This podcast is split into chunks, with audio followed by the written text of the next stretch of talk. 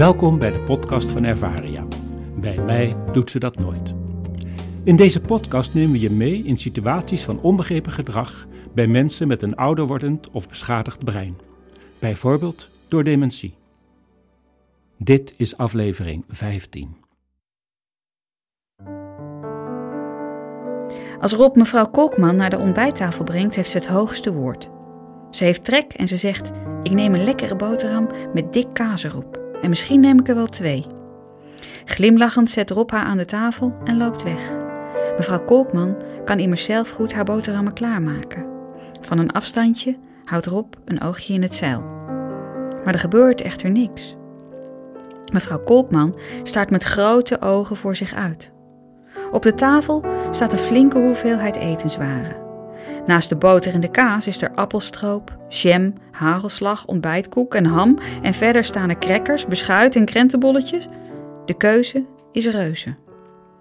Mevrouw Kolkman neemt alles wat er op tafel staat in zich op, maar het beleggen van haar boterham, dat doet ze niet.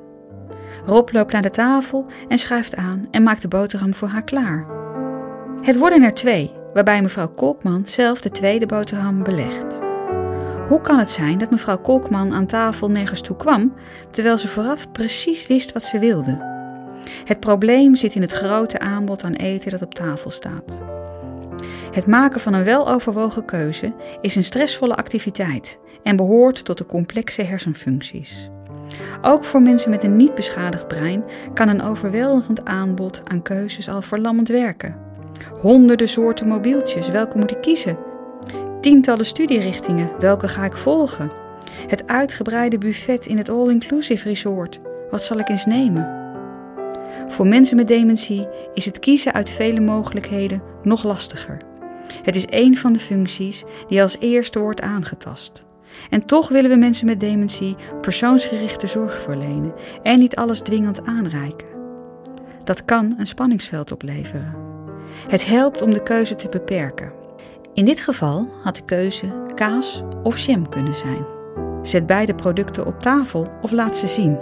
Dit is overzichtelijk en het helpt mevrouw Kolkman om een keuze te maken. Zorg voor een duidelijk aanbod, beperk het aantal keuzen en laat de opties zien. Dat werkt beter dan vertellen welke opties er zijn.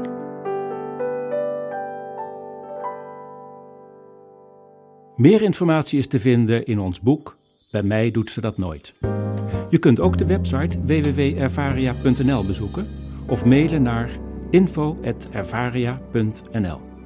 Bedankt voor het luisteren.